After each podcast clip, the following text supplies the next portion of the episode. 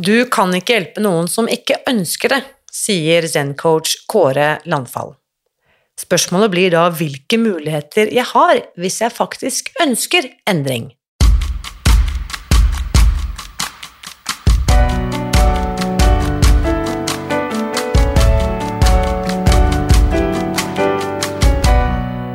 Mitt navn er Irina Lie. Jeg er journalist og forlegger, gründer og sosial entreprenør.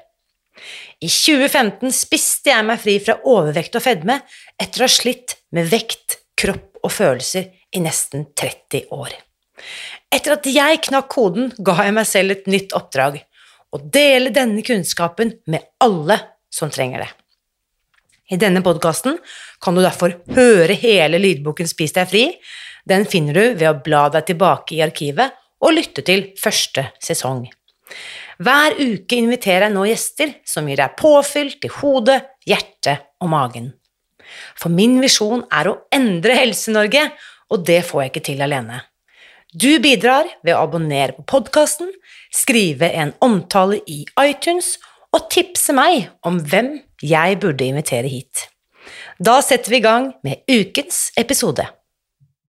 Hvis du har fulgt denne podkasten i mer enn la oss si én episode, så har du sikkert oppdaget at det er ett tema jeg alltid vender tilbake til.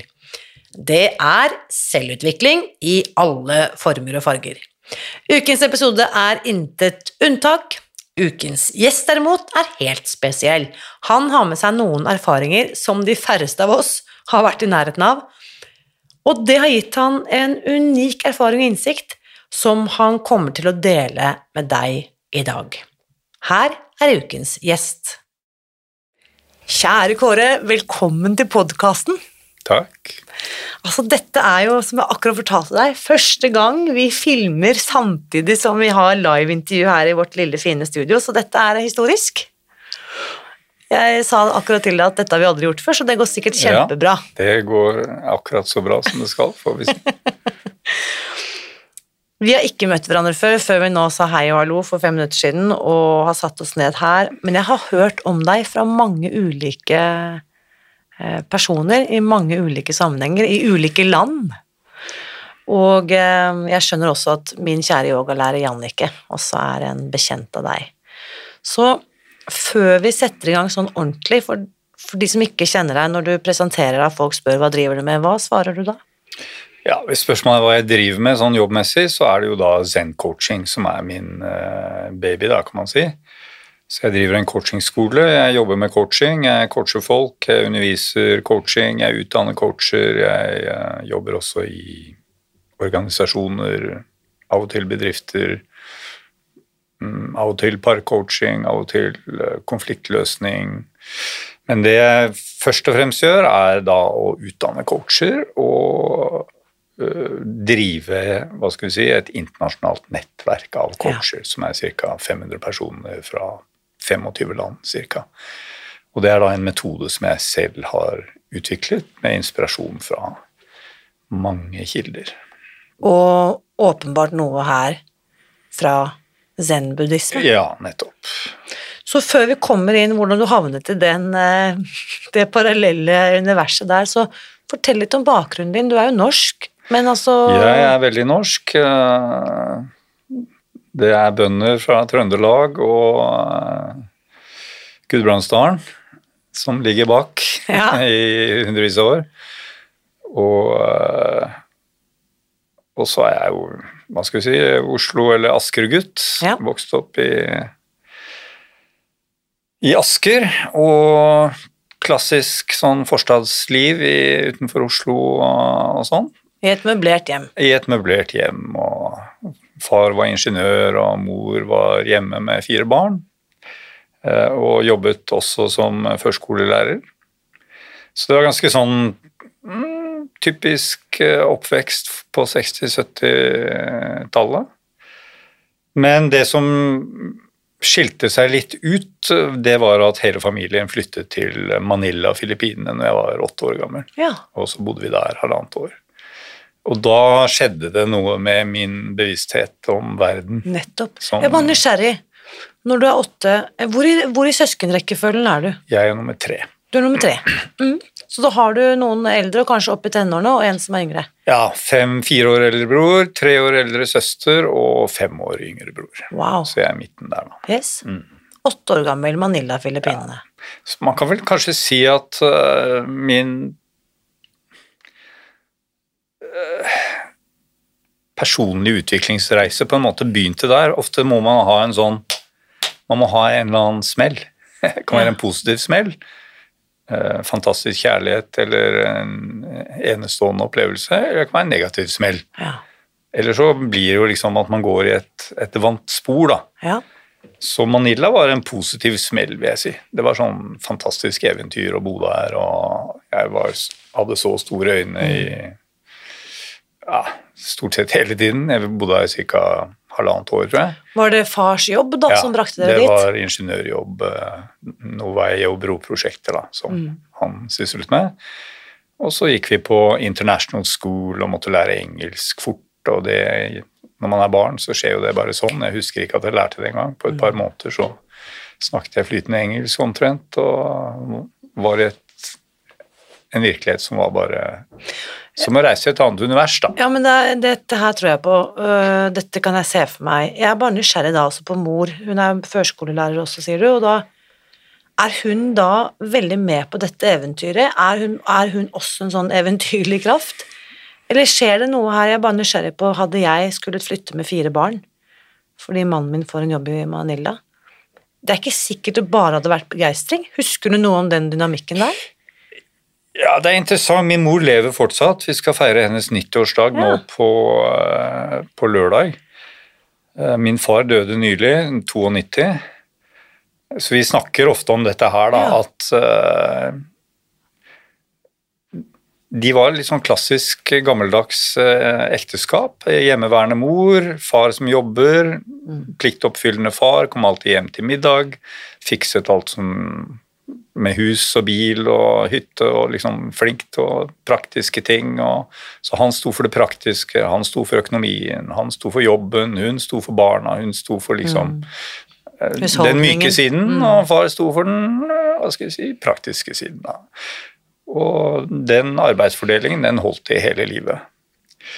Og min mor jobbet jo eh, også noen år, da, men det var mest fordi hun hadde lyst til å jobbe. Ikke fordi hun trengte å tjene penger egentlig for familien, men hun ville ut og jobbe litt, og hun ville holde på med barn. og Barn er jo veldig sånn hjert, hjerteaktivitet. Mm.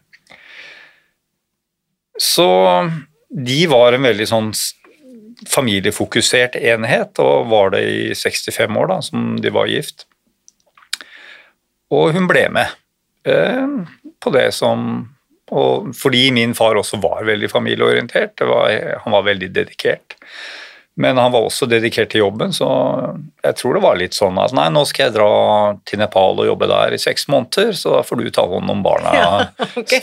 Tre små barn, fire små barn i seks måneder, og hun sa ja vel, liksom. Ja. Jeg tror jeg. Jeg tror det var litt sånn. Og nå skal vi til Filippinene, og han spurte vel er det ok, og hun sa sikkert ja, da gjør vi det. Og så flyttet de til eh, Nei, før det så hadde de flyttet til eh, USA. Min far hadde egentlig emigrert til USA. Det var rett etter at de ble gift.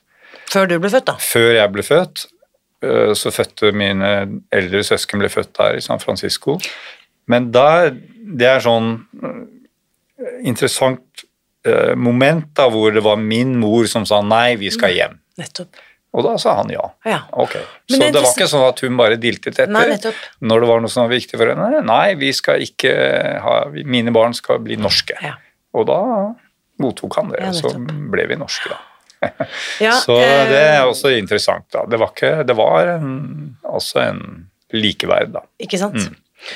Så fortell litt om denne her, eh, dette parallelle universet som da åpner seg, åtte år gammel, og du, det er et positivt sjokk som eh, inntreffer i livet ditt. Hva Ja. er det du lærer da, eller hva er det du skjønner da? Ja, det er ganske symbolsk, syns jeg, for eh, enhver person utviklingsreise at man Vi blir jo på en måte formet inn i en virkelighet. Vi blir født inn og eh, ser oss storøyd rundt. Vi har vært inne i magen til mamma i ni måneder. Og så kommer vi ut i et univers som vi er biologisk forberedt for. Men mentalt er det jo helt eh, magisk, selvfølgelig. Hva er dette for noe? Så det tar jo, En baby tar jo litt tid før den skjønner hvilket univers den er i. Eh, hvor kommer jeg, liksom? Hvor er jeg nå? Og så blir jo denne babyen formet inn i en familie og en kultur, og når det har gått eh, fem-ti år, og særlig når det har gått 15-20 år, så er vi på en måte blitt en skrue i det maskineriet som kulturen ja, mye av vår individualitet har blitt på en måte slipt til, da, og vi har blitt til en slags uh, funksjonær i systemet litt. 15-20 år, det er nesten litt sånn nedslående å høre deg si det. Ja, det tar jo 15 år å forme en sjel, ja. kan man si. Johan Borgen, vet du, forfatteren, han sa jo det at du kan dele livet i to. 0 til 16 og 16 ja, og resten. Det syns jeg høres bra ut. Eller det er mange måter å dele livet på. Jeg liker også å se på de første 21 eh, årene som tre syvårsbolker. Ja, mm. spennende. Ja, nå hopper ja. vi her litt, men dette er spennende. Fortsett. Mm. Ja, I hvert fall så blir vi jo da formet inn i en uh, sosial, kulturell verdi, normramme. Sånn mm. gjør vi det her. Uh, det er ikke noe vi tenker på, vi blir på en måte bare formet mm. gjennom språk og kultur og oppdragelse og skole og alt det der. Og det kan vi jo fortsette med til vi dør. Vi kan på en måte bare følge sporet. I den formen du har blitt støpt inn i ja. som 15-20-åring? Ja. Jeg husker jeg hadde en klient for, eksempel, for mange år siden, kvinne i 50-årene. Hun sa 'jeg vil skille meg'. Og så sa jeg ok. Hvorfor det, da? Og så forklarte hun litt, og så snakket vi ja, men det høres jo ut som det er noe dere kan løse. Nei, jeg må skille meg. Liksom. Ja, ja, ok. Ja, ja vel, hvis du må skille Ja, jeg vil ha hjelp til at vi skal skille oss på en ordentlig måte. Ok, ja, det er greit, det. Altså, jeg skjønte ikke helt hvorfor hun måtte skille seg. Fordi det hørtes ut som, et, det hørtes ut som egentlig de hadde en god relasjon, de hadde noen utfordringer, som jo er vanlig. Men etter å ha snakket med henne en, en, en, stund, så skjønte jeg at hun måtte skille seg, fordi hun hadde aldri tatt en selvstendig beslutning hele sitt liv som gikk imot hennes omgivelser. Hun hadde giftet seg fordi det var det som var forventet av henne, og hun hadde giftet seg med en person som alle likte, og når hun ble 50, så oppdag, skjønte hun at hun hadde aldri tatt en upopulær, selvstendig beslutning hele sitt liv. Og hun bare måtte skille seg for å gjøre noe som helt alle var imot. Og som hun ble upopulær eh, av hos alle, men hun bare måtte gjøre det for å liksom bli fri. Ja, og, ja. Bli fri fra denne formen som hun hadde levd i i 50 år. Ja, ok, greit det. Hadde, jeg hjalp henne, og vi hadde møte med begge to. og Han hadde jo ikke lyst til å skille seg. Jeg hjalp dem gjennom prosessen. Happy divorce coaching, kan man si. Og finnes det? ja, det, finnes, eller, det er et begrep jeg har i hodet. Det er en businessidé for de som har lyst til å holde på med det. det tror jeg kunne vært god butikk. Veldig god butikk. Men det lyktes. Vi fikk til en wow. happy divorce. Eh, det gikk bra, liksom. De skilte som venner, og et år senere traff jeg henne tilfeldigvis. Jeg 'hvordan går det?' 'Nei, det går bra'. Og, så sa jeg men det er ganske utrolig at vi er skilt, for vi har bedre kommunikasjon enn noensinne. Så jeg, jeg ble ikke så overrasket, da. Mm. Fordi, det var bra folk? Det var bra folk, og de hadde egentlig en god kontakt. og Kanskje bli gift igjen senere, jeg vet ikke. jo, men kanskje. Altså, men, det, men, det, var veldig sånn illustrerende. Vi kan gå et helt liv mm. og være helt ufri. Helt uselvstendige uten å oppdage det. Yes. Vi kan lykkes, vi kan lykkes med familie, ha barn, god jobb, status, gode venner, dra på hytta, gå på ski. Men vi har ikke oppdaget at vi er ufri. Mm. Fordi vi er, bare, vi er, bare, en del. Og derfor sier jeg ofte at øh, det, og det finnes en form for smerte i det som vi ikke vet smerten over ikke å ha forløst vår individualitet vår frihet. Mm. Og så mange bærer på en smerte som de ikke er klar over at de bærer på. Det, jeg tenkte akkurat ja. på det, for jeg, når jeg snakker med podkastgjester, så sitter jeg ofte og er inni hodet til Kari på Toten. Det er liksom min lytter, da. 42 år gamle Kari på Toten. Ja. Og så tenker jeg sånn Jeg hører dette, og jeg bare kjenner at det treffer meg rett i sola plexus og bare mm, Dette var ubehagelig å høre på. Jeg har jo faen meg levd livet mitt sånn. Mm. Så når jeg får den det stikket, da, eller det ubehaget, hva er det det forteller meg, eller hva er det det gir meg en mulighet til? Ja, det er det, da, at når smerten kommer, fordi vi kan på en måte eh, Vi kan skjule smerten for oss selv ved å ha et vellykket liv og ha det ganske bra, egentlig. Og så kan det skje noe som at vi hører noe, eller liksom Og så kommer den smerten. Liksom, det er noe som ikke er Dette traff meg. Alt burde være bra, liksom, men det er noe som ikke er bra. Men mannen er bra, barna er bra, jobben er bra, men det er noe som ikke er bra. Hva er det? Og så kommer smerten. Og da har vi på en måte to muligheter. Vi kan stoppe opp og kjenne etter dypere, eller vi kan distrahere oss og dytte den vekk og glemme den. Kjøpe ny bil. Da kan vi gjøre, Det fins jo 100 måter å unngå å føle på den. Ja, og liksom bare få den bort, da. Få et nytt barn. Ja, hva som helst. Det er uendelig mange muligheter. Skille seg og finne en ny mann som er helt lik. Ja, det, det er masse, masse muligheter. Men i det øyeblikket, i hvert fall, det er liksom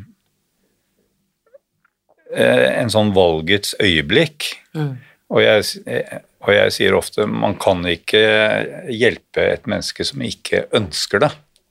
Altså Som coach jeg, jeg prøver aldri å overtale noen til å ta en coaching eller komme på en coachingutdannelse. Jeg bare sier den muligheten fins. Mange mennesker syns det er helt fantastisk og livsendrende osv. Du kan snakke med dem hvis du vil. Take it or leave it.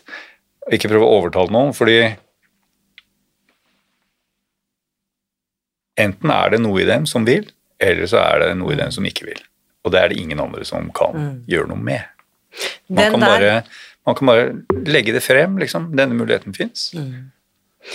Den der er jo utrolig sterk, fordi jeg hjelper jo Nå vet jeg at du ikke følger Spis deg fri, det er øh, Ja, jeg 99 har da i morges begynt å sette meg litt inn i Yes. det. Lest noen kapitler og ser veldig bra ut. Det er veldig spennende, og dette du sier her er jo noe av kjernen, for jeg vet ikke hvor mange kvinner og menn som kommer liksom, og så prikker meg på skulderen og sier sånn Mannen min må følge opplegget ditt, hva kan jeg gjøre? Ja. Og da akkurat å ha den samtalen og fortelle vedkommende at du kan dessverre ikke gjøre noen ting. Det beste du kan gjøre, er å ta tak i din egen, ditt eget kosthold. Det er én ting man kan gjøre. Man kan si 'Jeg har oppdaget dette her. Hvis du har lyst til å se på det, her er det'. Ja, det kan man gjøre. Det kan man er gjøre. typ Men noe sånn særlig mer kan man ikke. Nei, da er det typ sånn kjøpe den boken eller lytte på denne podkasten. Ja. Eller man kan, man kan gjøre som jeg gjorde med min far for mange år siden en gang. Jeg, jeg har kommet over en utrolig bra røykesluttbok. Han har røyket for mye altfor lenge. Var det den Alan Carr-boken? Ja. Ja, den er helt vill. Jeg tror, ja, jeg tror det er den, Ja. den som heter uh, The Easy Way to Stop Smoking, Ja. eller uh, et eller annet. Jeg har lest den på norsk, men den er Ja, jeg har lest en veldig bra bok om røykeslutt. Hvis jeg gir den til deg, kommer du til å lese den? Har du lyst til å lese den? Ja. Og så sa han ja. Og så ga han til han. Og så glemte jeg hele greia, for jeg regnet ikke med at han kom til å slutte å, slutte å røyke. Mens et halvt år senere Jeg bodde i Sverige, tror jeg. altså et halvt år senere, Du leste den boken òg? Ja, ja, ja. Hvordan gikk det? Nei, jeg sluttet. Hadde ikke fortalt meg det engang. Han har røyket i 40 år, 45-50 år. Hvor gammel Du sa at han nettopp gikk bort. Kondolerer med Mm. pappaen din. Hvor gammel var han når han sluttet å røyke? Ja, Da holdt han på å dø da, på Bærum sykehus. Jeg satt der og visste ikke om han kom til å leve dagen etter eller ikke. Og da hadde vi en prat da, det var kanskje ti år siden. Sa hvis du overlever det her, da er det slutt på røykinga. Fordi han begynte igjen da, etter noen år. Han slutta, men så begynte han igjen. Fem år senere eller noe. Og så han ja, ja, hvis jeg overlever det her, da, da, da, da er det slutt. Om det bare. Og da tenker jeg, da har han levd Så i da var han vel 80, ja, kanskje. Da har han røyket, da. la oss si at han begynte når han var 15, og så har han 60-65, nærmest 70 år identitet som røyker, Ja. og så er det mulig å endre. Ja, ja. Og faren hans, eh, min farfar, han samme type, røyket hele livet, 60 år. Så begynte han å få en dårlig hoste sånn i 8, når han var 80, og så sa han legen liksom Herr Landfall På den tiden var det alltid herr. Herr Landfall, nå må du slutte å røyke, ellers så går det dårlig. Ja, Og dagen etter slutta han å røre aldri en sigarett igjen. fantastisk. Hvorfor er, sånn ja, men hvorfor er det sånn at jeg må oppleve smerte? Hvorfor er smerten så bra motivator? Ja, fordi det, det, vi, det vi snakket om nå, var liksom den der lille smerten som kan komme over at oi, jeg, jeg, jeg lever ikke som et individuelt fritt menneske. Men så har vi de store krisene store hvor man ikke slipper unna. Så jeg ser jo på det som en, en mulighet da, når jeg får en eksempel, jeg fikk en sjef for et eh, vellykket reklamebyrå i Oslo en gang. Han ville snakke med meg, han kjente ikke meg, men hadde fått anbefalt meg. Eh, Så møtte jeg han en god stund senere, da, og da hadde han en livskrise som han hadde hatt i Han var 55 og var i en livskrise. Han hadde liksom hadde lykkes med alt. Familie, barn, karriere, penger, alt.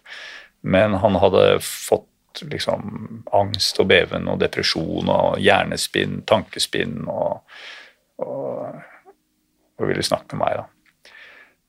Og, mm, og jeg ser jo på sånne situasjoner som en glitrende mulighet da, til å Ah, Jeg må bare spørre, Er det sånn at du blir glad på deres vegne?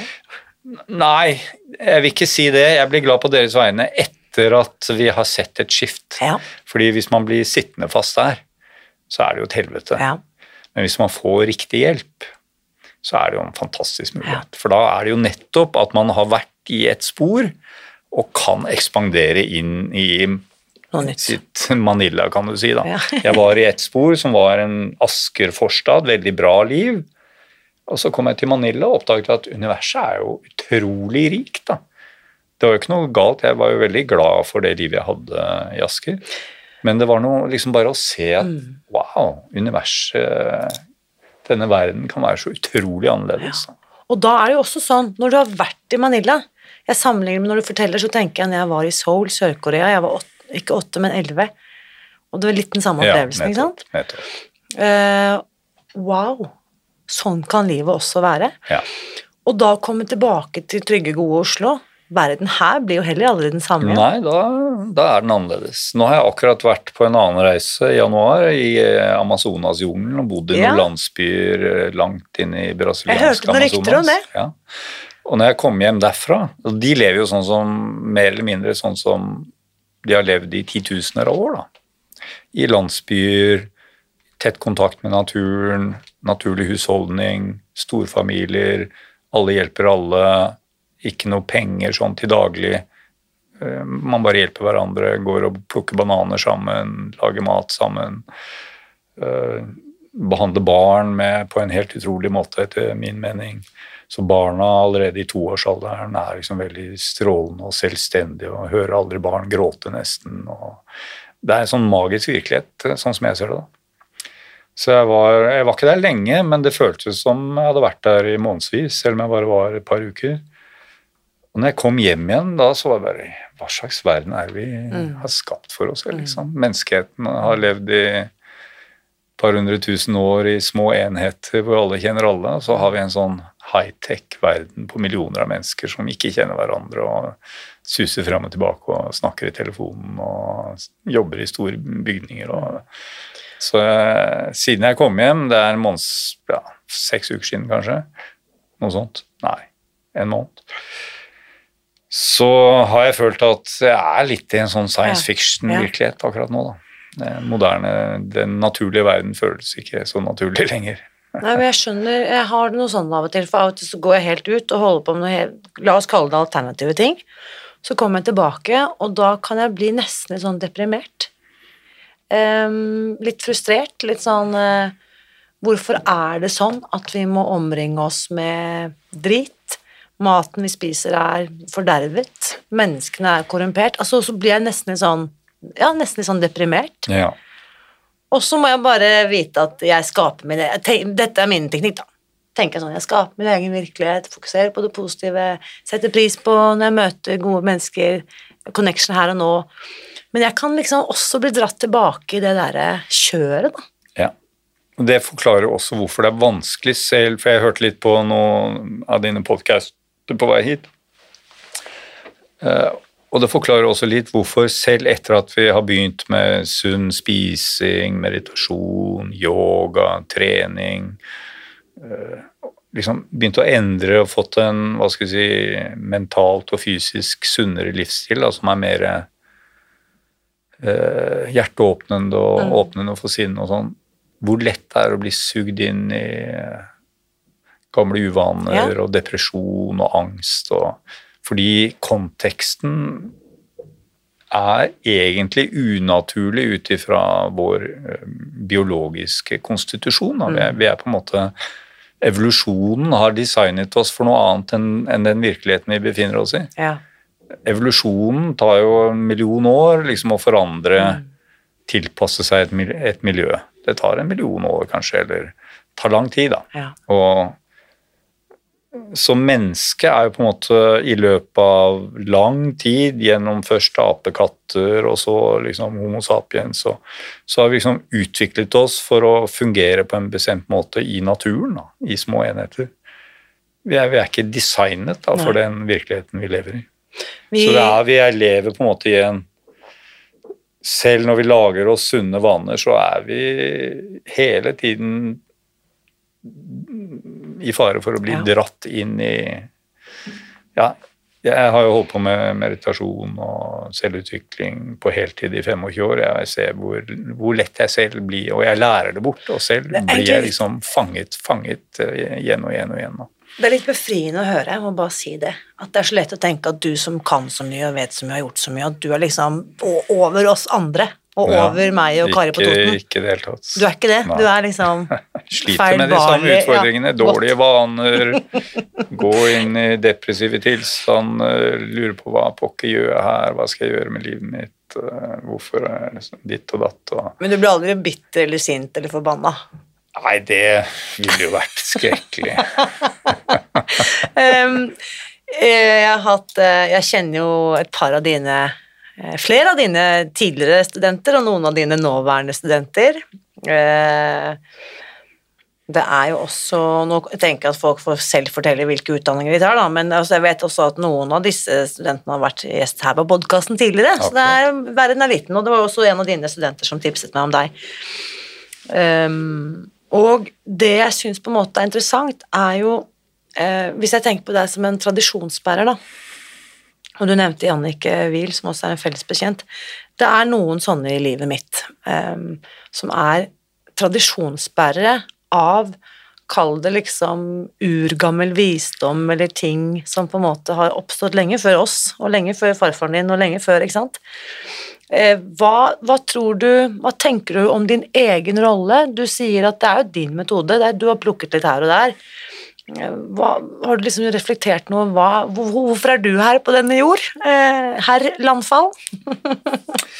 Ja, personlig så er jeg på denne jord for å eh, oppdage mer og mer hva det betyr å være menneske, og hva det er mulig å oppleve som menneske. Ja. Eh, og da særlig det positive aspektene, selvfølgelig, ved det å være menneske.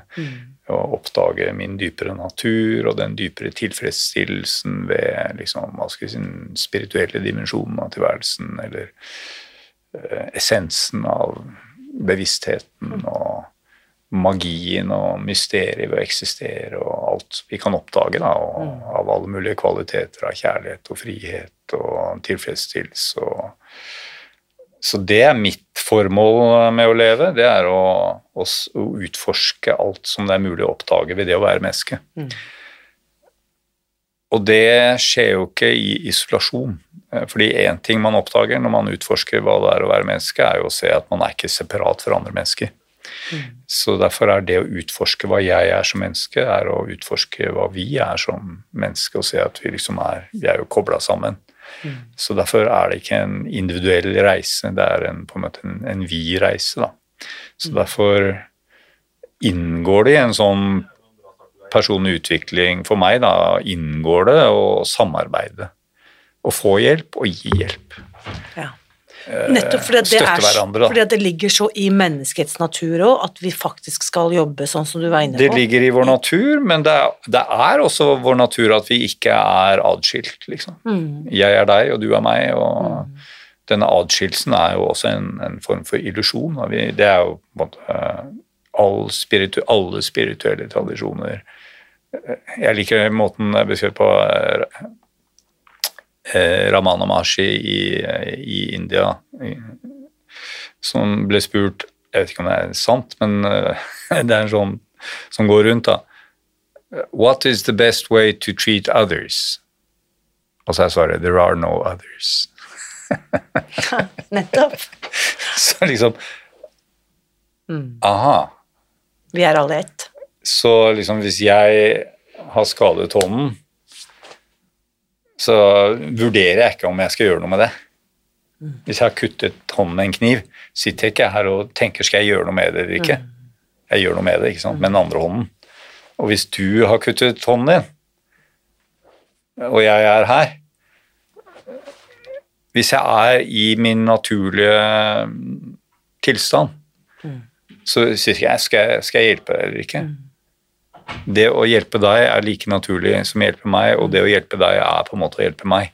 Hvis jeg ikke er i denne separat selv-tilstanden, så er det ikke noe jeg trenger å tenke på. Det er ikke noe, det er bare en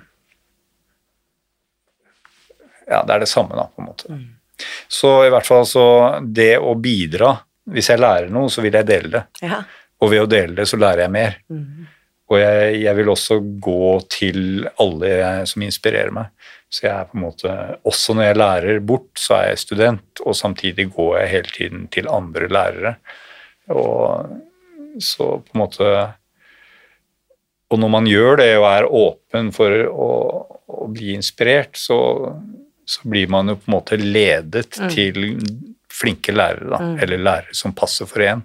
Så min, den første læreren jeg på en måte ble ledet til, som hadde stor innflytelse på meg, det var Thich Nhat Hanh. ja. Og det er jo der da zen-buddhismen kommer inn i min ja, Det var 25 år siden ca.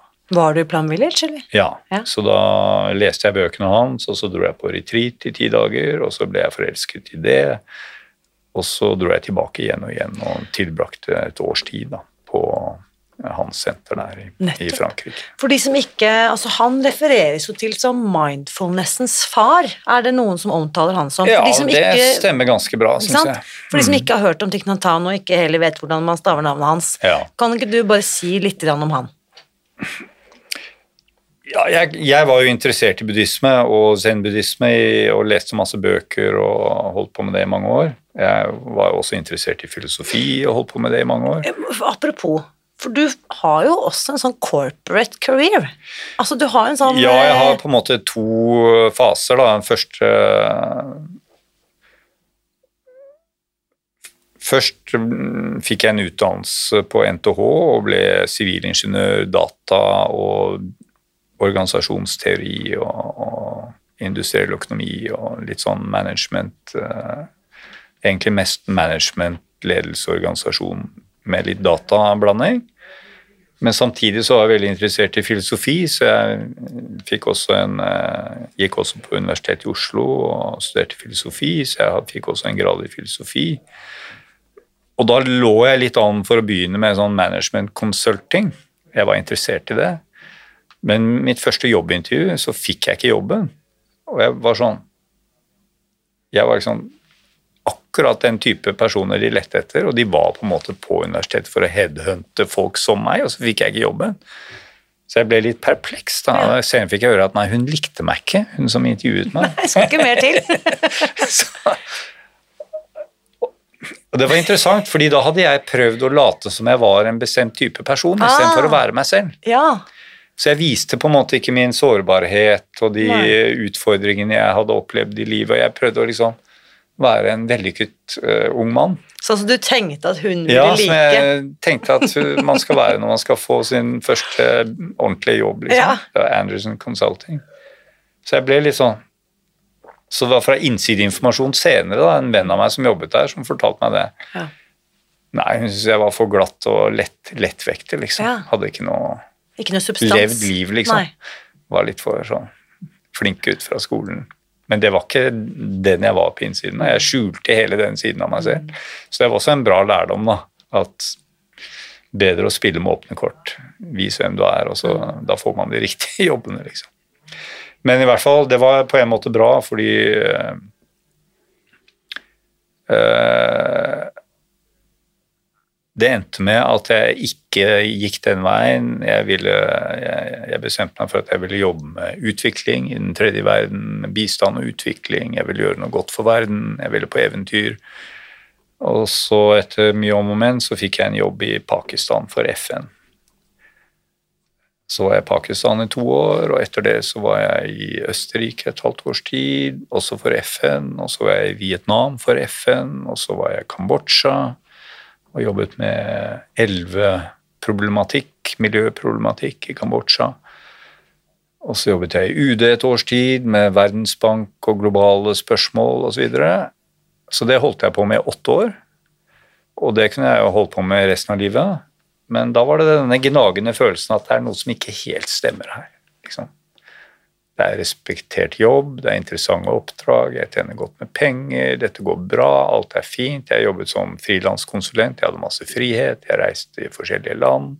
Det er drømmejobben var, for veldig mange mennesker. Og mine foreldre liksom var stolt av at jeg hadde en ordentlig jobb og liksom, som er respektert i verden. Og, så når jeg da liksom fortalte min far nei, jeg skal bo som en munk i et buddhistkloster i Frankrike istedenfor.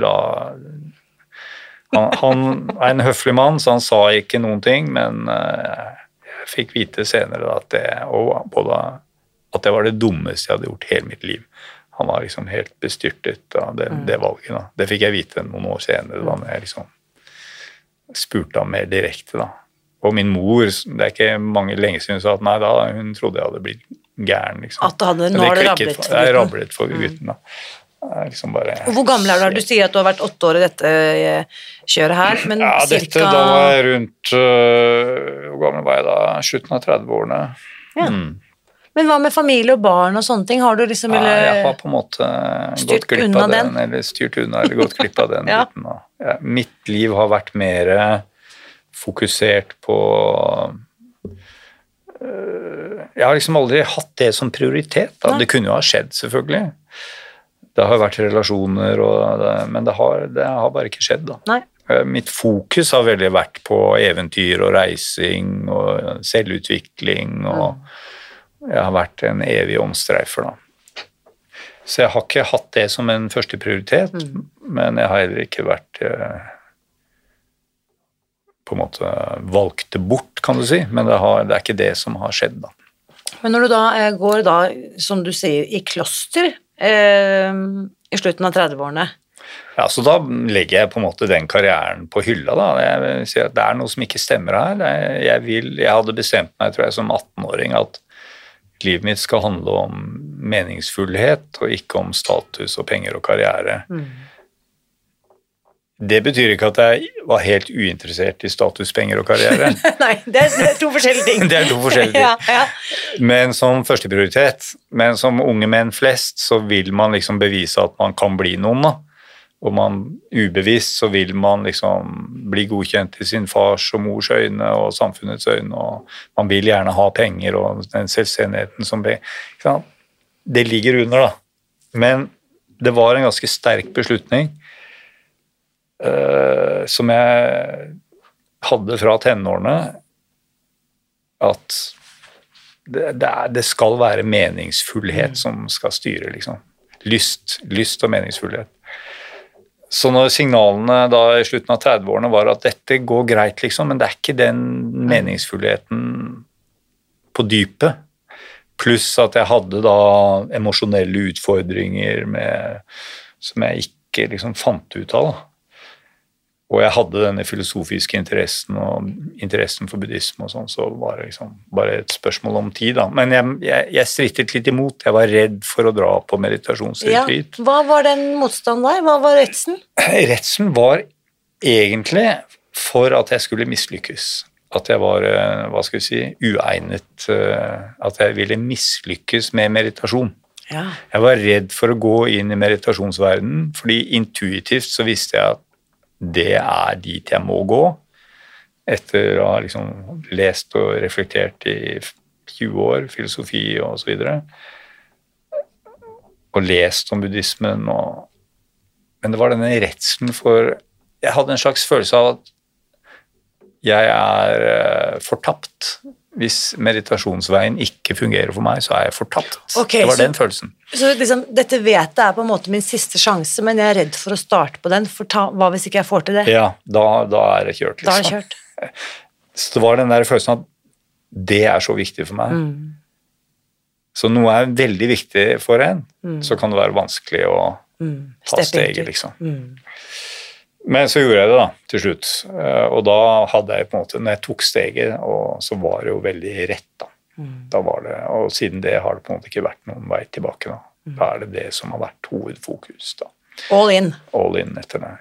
Så etter det Og da satt jeg da med Thich Nhat Hanh, som er en vietnamesisk eh, buddhistmester, Eh, og jeg var storøyd beundrende av han som ikke bare liksom, det han sa, men som person. Hans, ja, hele hans person utstrålte noe som jeg bare sugde til meg. så det liksom man, Å sitte ved en mesters føtter da, eh, en stund, et års tid, og høre et par timer om dagen, bare suge til seg, ikke bare ordene, men liksom Hele hans vibben, det var veldig verdifullt. Og det er jo en tradisjon. Det er en tradisjon. Ikke, sant? I, ikke bare i buddhismen, i vang, veldig mange spirituelle tradisjoner. At man sitter ved læremesterens føtter Ja. og lytter og ser. Og det er jo litt vanskelig for oss i Vesten, da, fordi vi er så redd for eh, å gi fra oss vår selvstendighet og bli indoktrinert av noen annen, og vi skal beskytte vår individualitet. ikke sant? I, i Asia har man ikke den Nei. eh, motstanden. Men for en vestlig person så er det suspekt, da. Ja. men du gir bort eh, din individualitet til en annen, liksom. Det er patetisk. Jeg husker jeg hadde jo mange eh, Altså, min pappa var født i Sør-Korea. Akkurat. Så jeg har jo på en måte dette med meg at når alle argumenter var han var tom, og jeg var tom, så sa han da blir det sånn fordi jeg sier det. Og det er de gamle som vet best. Ja. Det var ofte et argument Hvordan var det for deg, da? Det, altså jeg hadde ikke noe jeg kunne Når det argumentet kom i bordet, Ja. da hadde jeg på en måte ikke noe jeg kunne argumentere Nei, mot, og så nei. kunne jeg bare vise ham fingeren og så bli forbanna og gjøre det motsatt likevel. Ja. Men nå, da, når jeg ikke lenger er 13 og et halvt, og tenker på mange av de veldig opp, eh, på en måte oppildne diskusjonene vi hadde, så hadde han jo noe rett i det. Mm. Det er noe med at de gamle vet ofte best. Ja, de, de sitter jo på, de sitter på noe livserfaring. Ja. eh, Og særlig hvis de har vært reflekterende mennesker Ja. som ikke bare har fulgt det kulturelle sporet, indoktrinerte sporet, men Ja, har gjort sin egen eh, reise. Men det har jeg tenkt på i forhold til det du sa om ikke sant, Som jeg har lest mye om hvordan tidligere tider, så en- også enklere samfunn gjør det, da. Hvor det ikke er så mye nedskrevet historie, men det er rett og slett bare tradisjonsbærere. Hvor Ja. måter å gjøre ting på blir overført i praksis gjennom handling og historier rundt leirbålet. Dette Ja. kan jo fort bli sånn klisjéaktig, men du skjønner hva jeg mener? I jungelen, for eksempel, så er den vanlige måten å lære på er å, å, å se hvordan de andre gjør det. Observere. Observere og, og bli med. Og bli med. Det, er ingen, det er ikke den vanlige å fortelle folk hva de skal lære, og hvordan de skal lære det. Folk lærer det fordi de har lyst til å lære ved å se på de andre. Men den verden vi har skapt nå, så er det jo ikke helt sånn, da, ikke sant? hvor eh, teknologien endrer seg så fort, så de gamle skjønner ikke. Det er de yngre som må forklare teknologien til de eldre. ikke sant? Og de eldre, men nå er det noe helt nytt igjen, liksom.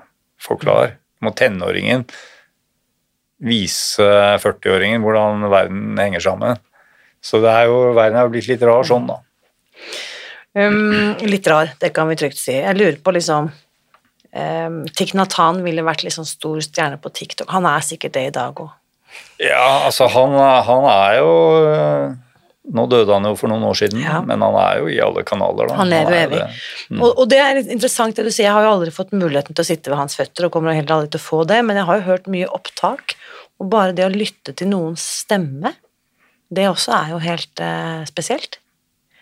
Eh, så Tikhnatan er altså Google him, hvis ikke du har hørt om han Ja, tidligere. så det var, det var liksom starten på zen-coaching, kan man du si. Der fikk jeg en stor input i mindfulness, meditasjon, nærvær, praksis, da. Og ikke som For man kan lese Jeg har alltid vært glad i å lese bøker. Lest, hadde lest utrolig mange bøker. Kommer til uh, f.eks. en munk man, Jeg ble jo ikke munk, men hvis man blir munk eh, i Plum Village, det er mange munker og nonner der, så får de beskjed når de begynner dropp bøker et par år. Ja, interessant. Nå drikk te med oppmerksomhet, gå i oppmerksomhet, jobb i oppmerksomhet, spis i oppmerksomhet, dropp bøkene. Praksis et par år, liksom. Fordi det er ikke en mental greie. Det er, det er, en, det er en praksis. Sakte ned litt, stoppe opp, være oppmerksom på pusten, og så trener man på det 24 timer i døgnet. I hvert fall 16 timer i døgnet. Alle våkne timer. Så meditasjon er ikke noe man gjør en gang iblant. eller Enten er livet meditativt, eller så er, man, er livet ikke meditativt. Så den holdningen er det jeg har til meditasjon, at det er en livsholdning, det er en måte å forholde seg til livet på. Det er ikke noe man gjør, egentlig. Meditasjon er en, en meditativ måte å forholde seg til livet på. Uh, derfor er jeg også glad i dette ordet nærvær. da mer enn mindfulness mm. eller meditasjon. Å leve nærvær. i oppmerksomt nærvær. Leve Og i Nå er jo det blitt veldig sånn populært ord, da, mindfulness og oppmerksomt nærvær. Det brukes mye. Og samtidig er det også litt misforstått, ordet nærvær. Oppmerksomhet. Vi tror vi vet hva det betyr, men det betyr egentlig to ting. Da. Og ofte så er det bare den ene betydningen som fanges opp. Eh, liksom, ok, jeg er oppmerksom på at er, koppen er her. Jeg er oppmerksom på smaken av den teen. Mm. Jeg er oppmerksom på tyngden av kroppen på stolen. Det er sånn klassisk mindfulness-praksis. Mm. Mm. Så man ikke bare er et annet sted. Jeg spiser, men jeg er et annet sted. Jeg smaker ikke maten. Man, Koble meg på sansene for å være her og nå. Ja, så det er jo mindfulness-praksis. Hvis man gjør det, så praktiserer man mindfulness. Da er man nærværende i opplevelsen. Så det er én betydning av nærvær. Det er si, den vanlige betydningen av oppmerksomt nærvær. Men så er det en annen betydning av nærvær som er mer det vi jobber med i Zen coaching, som man kan si er et dypere aspekt av nærvær. Uh, kan si at den form for nærvær, hvor man faktisk er i sine sanser, det er en nødvendig første steg da, for å komme til dette dypere nivået av nærvær. Og det dypere nivået, det er hvor nærvær er, er mer som et, et felt, da, en, en, tilstand. Mer som uh, at man bader i en tilstand av nærvær. Mm. Og dette nærværet fyller kroppen og fyller rommet og har forskjellige kvaliteter. Det er en annen dimensjon av livet enn den vanlige dimensjonen som vi lever til daglig. Mm. Når vi er liksom praktiske. Og vi er jo praktiske og mentale. Mm. Vi er jo veldig praktiske og mentale. Og av og til er vi emosjonelle. Vi føler. Men ingen av de tingene er nærvær i betydningen Heller ikke følelser er nærvær i betydningen Eh, et felt av nærvær som jeg opplever i kroppen, i rommet, som fyller, fyller uh, min eksistens. Mm. Dette nærværet er det vi jobber med i zen-coaching. Mm. Og, eh, og, når man oppde, opp, og det er en oppdagelse, da. Det er ikke noe du kan tenke deg frem til. Enten oppdager du det og føler det, eller Det er noe mer enn en følelse. Men idet man er i kontakt med det, så er det som å komme hjem. Oi. Mm. Oi. Sånn kan det være. Nå er, jeg hjemme, liksom. Mm. Dette er jo sånn livet skal være. Nå er det godt å leve. Nå, nå, trenger jeg ikke noe annet. Men så er det ikke én ting. Dette nærværet er ikke én ting. Det er mange ting. Og det kan være mange ulike kvaliteter. Det kan være stillhet og fred. Eller det kan være en boblende glede som fyller hele rommet. Eller det kan være en slags, en slags et dypt svart rom av mystiskhet. Eller det kan være en slags uh, lidenskapelig, uh, ekspansiv kraft. Uh, eller det kan være en intim kontakt. En sånn en følelse av en dyp personlig kontakt med et annet menneske. Mm. Uansett hvilken kvalitet det er som nærværet manifesterer seg som, så er det dypt tilfredsstillende. Det er det zen-coaching handler om. Mm. Å oppdage det. Fordi det løser alle problemer. mm. Og det gir livet mening. I det øyeblikket vi er i kontakt med det, så er livet meningsfullt. Det spiller ingen rolle om du gikk konkurs i går eller uh, mistet jobben eller uh, hva som helst. Det spiller ingen rolle. Fordi i det nærværet så er livet godt. Og der er det en magi, da. Som skjer i omtrent alle coaching-samtaler jeg har. Altså, det er, det er ikke en lang reise, da. Det skjer på, i hver samtale. Nesten. I større eller mindre grad. For eksempel denne mannen da, som hadde vært i en livskrise i seks Ja, måneder. han mistet vi på veien, men du har fanget han opp igjen. Takk for den. Han ville snakke med meg fordi han hadde blitt anbefalt meg. Han var ikke vant til å gå til terapeuter eller noen ting. Han var liksom en suksessrik mann. Han trenger ikke terapeuter, liksom. Men etter én time samtale så var han ute av den livskrisen. Og det var ikke, det var ikke en, en mental ting som skjedde. Etter ca. 40 minutter så skjedde det et energiskifte. Hvor liksom den krisen falt bort. Og han kom inn i dette nærværstilstanden. Kom ut av denne nevrotiske eh, tilstanden han var i. Besettelsen? Ja, en slags eh, et spor da, som han var fanget i. Og kom tilbake til det jeg vil kalle sitt hjerte, sin væren, sin essens. Og han skjønte jo ikke hva som hadde skjedd, han var ikke vant til det. det var liksom, hvordan er det mulig? Han hadde regnet med at vi skulle gå liksom i noen måneder. Men det er ikke sånn jeg jobber. Jeg går gjerne i noen måneder, men jeg, jobber ikke på den måten at det tar noen måneder å komme til dette jeg snakker om. Du må kjøpe ti klippekort.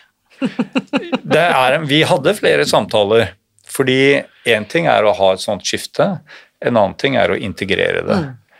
Fordi som vi snakket om også, at man blir dratt tilbake igjen. Yes. Så dette skiftet skjedde, han skjønte ikke helt hvordan er det mulig, liksom. Og det var ikke noen Jeg bruker ikke noen sånne spesifikke triks. Du hypnotiserer ikke folk. Nei. Nei. Det, det er veldig sånn individuelt hvordan det skjer, men det skjer. Og det skjer jo fordi jeg vet om, om, om at det kan skje, og på en måte inviterer det inn, da. Men det er ikke noen Man kan ikke bare få det til å skje ved en teknikk. Det, er, det er litt mer mystisk hvordan det skjer. Det er det vi lærer bort da, i zen-coaching-utdannelsen. Så etter at det skiftet hadde skjedd, fordi han sa det etter en, å ha pratet en halvtime, sa han. Og så satt jeg der, jeg hadde hørt på han bare. Og så, satt, og så ble det helt stille, og så sa jeg ikke noe. Og så satt vi i stillhet bare og sa han, det skjer noe, sa han. det skjer noe. Mm, interessant, sa jeg. Hva er det som skjer da? Nei, det skjer noe, liksom. Det skjer noe i hodet. Det liksom falt bort. Og så brukte vi resten av timen på å snakke litt om hva som hadde skjedd, og hvorfor det hadde skjedd, og hvilke noen metoder han kunne bruke på å påminne seg om det, det eh, Fordi man kan også bruke noen triks, men de kommer etterpå, da Ja. etter det skiftet så kan man bruke triks. Eh, Så det vi jobber med, er nærvær. Da. Og ikke bare det med å være, smake poten og, og være i sansene, men noe som er eh, hakket dypere. Da. Og den gode nyheten her er nettopp det at det er egentlig aldri langt unna, fordi det er vår natur. Da. Og det er tilgjengelig for alle, selv om de tenker og tror at dette kommer ikke jeg til å få til, dette høres vanskelig ut. Det er tilgjengelig for alle. Det er tilgjengelig for alle. Ja. Og det jeg har lært da i mitt liv fordi jeg begynte med Tikknatan, men siden det har jeg sittet med kanskje 50-60 andre veldig imponerende lærere og lært gjennom dem at dette er lettere tilgjengelig enn jeg trodde. Ja. Det som er vanskelig, er å integrere det i hverdagen, Yes. men skiftet kan skje utrolig mye raskere enn noen er klar over. Ja. Eller mange er klar over. Tror du ikke det også er liksom et resultat av den her verden vi lever i, hvor vi får et inntrykk av at ting skal være så forbanna komplisert? Hvis det er verdifullt, så er det kjempevanskelig og noe vi må jobbe hardt for, men så er det, kanskje ikke sant? Det, det, er også en, det er også sånn at hjernen liker ting som er litt komplisert. Ja, At vi overkomplifiserer ting som Ja. egentlig er enkelt. Ja. Ja, Hvis du gir meg 15 steg til et bedre liv, Ja. og hvert steg krever en del av meg, så blir hjernen interessert. Mm. Men hvis jeg sier hvis du gjør denne enkle saken her, fem minutter hver dag, Mm. Så kommer livet ditt til å endre seg, så sier han nei, det er for, det er for enkelt, det er for dumt, liksom. Eh, apropos Det har jeg hørt tusen ganger før. Du sa det på en podkast eller en YouTube-video jeg hørte på.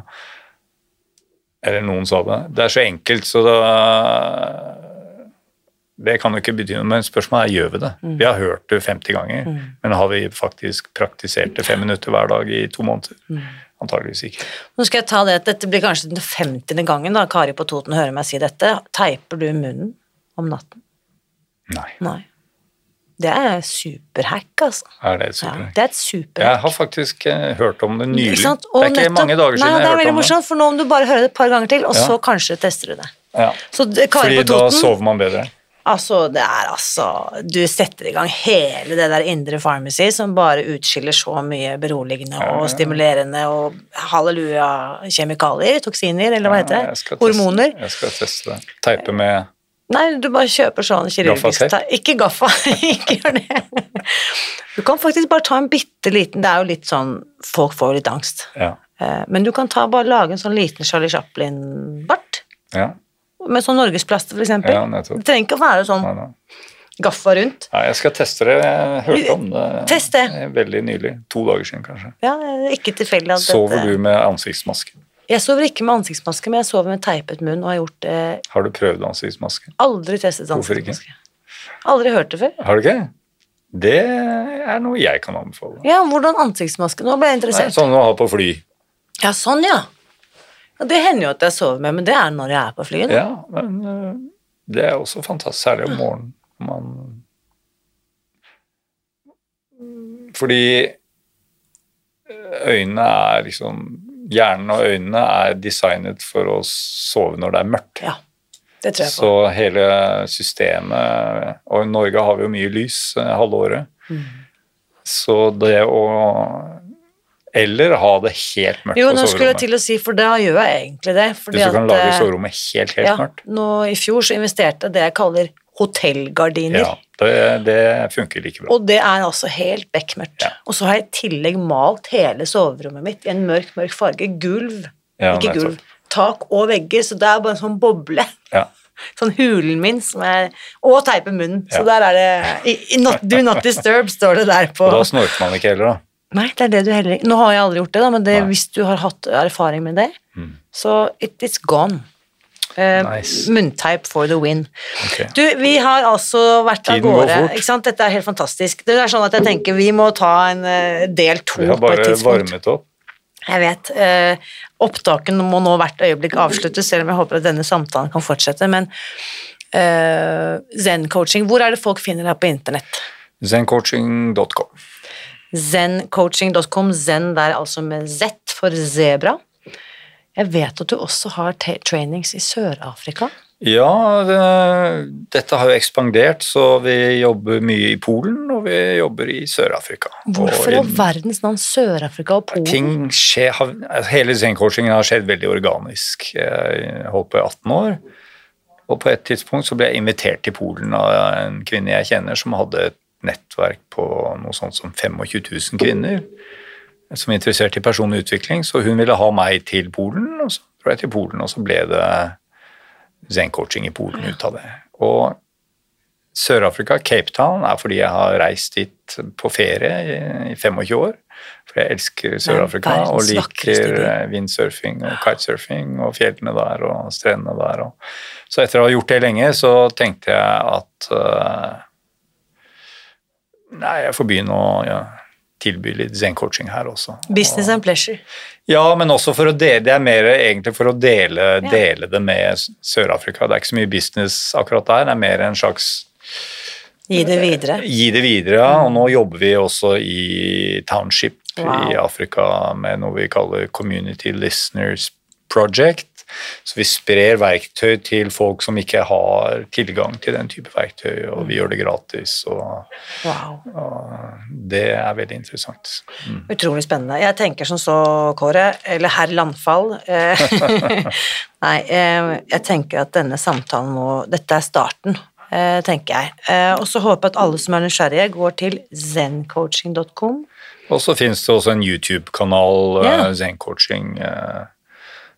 Nå har det blitt et nytt navn på YouTube, eh, men hvis man søker på Zen-coaching YouTube Zen-coaching Network eh, het den, men jeg tror den at Zen-coaching YouTube, tror jeg. Ja, og så kan man helt sikkert bare søke på navnet. Så der ligger en god del eh, Spennende.